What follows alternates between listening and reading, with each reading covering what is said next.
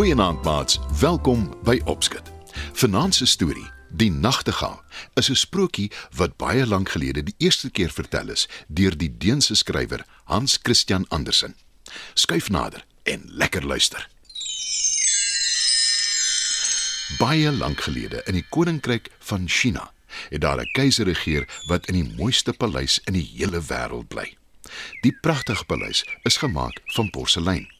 Porselein is fyn erdewerk waaruit breekbare gemaak word, soos byvoorbeeld koppies. Porselein is baie breekbaar en dit moet versigtig hanteer word. Wat die keiser en sy mense dan ook inderdaad doen. Die tuin van die paleis is vol pragtige blomme waaraan daar silwer klokkies hang. Die tuin is so groot en dit strek so ver dat niemand weet waar dit begin en waar dit eindig nie. Wanneer iemand in die tuin loop, hou dit net aan en aan totdat dit naderhand 'n pragtige groen woud word met hoë lowergroen bome. En aan die einde van die woud is daar die diep blou see. In die woud, in een van die hoë bome, bly daar 'n nagtegaal. Sy sing so mooi dat selfs die vissermanne wat op die see vaar met hulle skepe in verwondering na haar luister.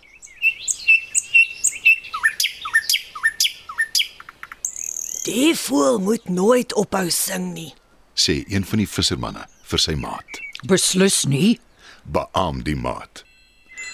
Die keiser se pragtige tuin is wêreldberoemd en mense kom van heinde en verre om dit te besoek en te bewonder. Sommige skryf selfs boeke oor die tuin en baie van hulle wat in die woud rondloop, hoor die nagtegaal wat so pragtig sing. En hulle skryf ook oor haar in hulle boeke. Op 'n dag ontvang die keiser van China 'n geskenk van die keiser van Japan. Wat kan dit wees? Wonder hy toe hy die geskenk oopmaak. En tot sy vreugde sien hy dit is een van die vele boeke wat oor sy tuin geskryf is. Die keiser sit op sy goue troon en begin dadelik die boek lees. Hy is in sy skik omdat daar vertel word hoe groot en hoe mooi en hoe indrukwekkend sy tuin is. Maar toe lees hy die volgende woorde: Die heel mooiste van alles in die keiser van China se tuin is die sang van die nagtegaal wat in een van die bome in die aanliggende woud bly. Die koning was nog nooit self in die woud nie en hy's nie bewus van die nagtegaal nie. Hoe durf iemand so iets skryf? Wat van my pragtige blomme en die fyn klokkies in my tuin? sê hy woedend en klap die boek toe. Hy roep sy vertroueling, een van sy gesante, nader en vra: Hoekom weet 'n vreemdeling van die nagtegaal in my tuin terwyl ek die voël nog nooit hoor sing het nie? Ek ken nog gelukkig nie die antwoord nie, Majesteit. antwoord die gesant.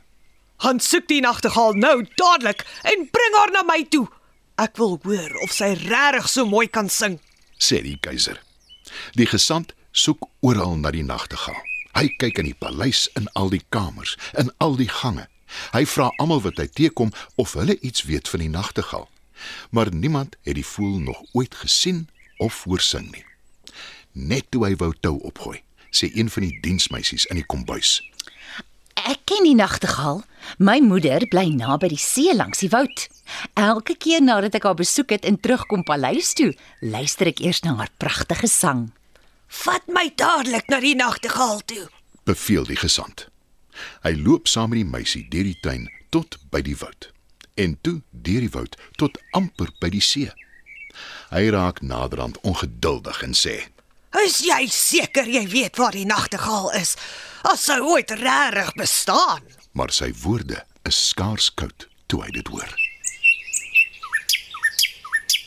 Die pragtige sang van die nagtegaal. Hy kyk op in die boom en sê verbaas: Wat 'n wonderbaarlike geluid. Maar dis dan 'n klein grys voeltjie, glad nie wat ek verwag het nie. Toe maak hy keelskoon en sê vir die nagtegaal: Kom saam met my na die keiser se paleis toe. Hy wil jou graag hoor sing. Um, my lied klink beter hier in die pragtige groen woud. Maar nou goed, ek sal saam met jou kom. antwoord die nagtegaal. En sy vlieg langs die gesant na die paleis toe. Daar aangekom, kyk sy verbaas rond. Die paleis is pragtig versier, spesiaal vir die geleentheid. Daar is lampe wat oral skyn en die mooiste blomme vol klokkies wat klink. Langs die keiser se goue troon is daar 'n goue platform vir haar om op te sit. Al die keiser se werknemers is daar. En almal kyk afwagtend na die klein grys voeltjie. Sy gaan sit op die platform en begin sing. Almal staar in verwondering en die trane rol oor die keiser se wange.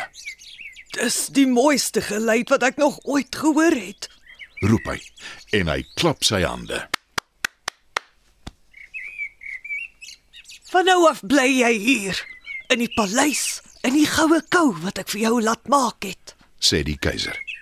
Die nagtegaal is nie baie lus daarvoor nie, maar sy wil nie die keiser teleurstel nie en sy vlieg tot in die kou. En dis waar sy van toe af al haar tyd deurbring.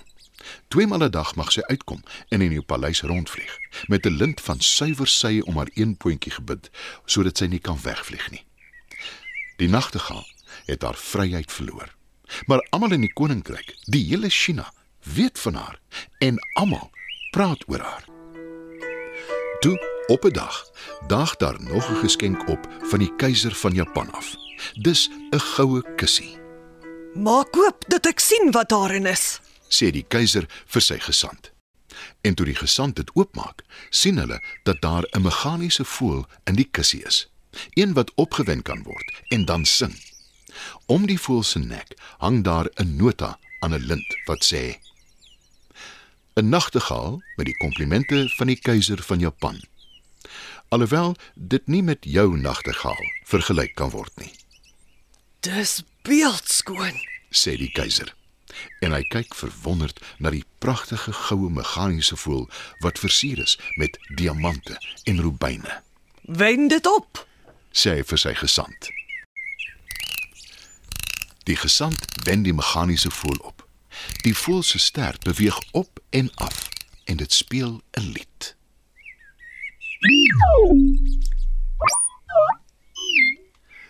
Die keiser is in sy skik en sê: Pragtig. Nou kan my twee nagtegale saam sing. 'n Duet.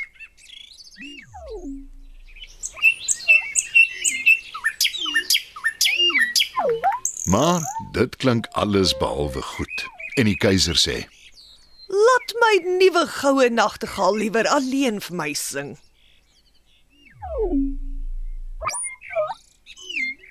Oor en oor sing die goue nagemaakte nagtegaal. En dis nie naastenby so mooi soos die klein grys voeltjie se lied nie. Maar nie volgens die keiser nie. Hy is in vervoering en sê: Nee, wat? My goue nagtegaal sing baie mooier as die trietsige ou grys voeltjie. Van nou af luister ek maar net na haar. "Maar maat, wat word nou van die regte nagtegaal, die klein grys voeltjie?" Luister gerus volgende maandag, dan vertel ek julle verder wat van haar geword het.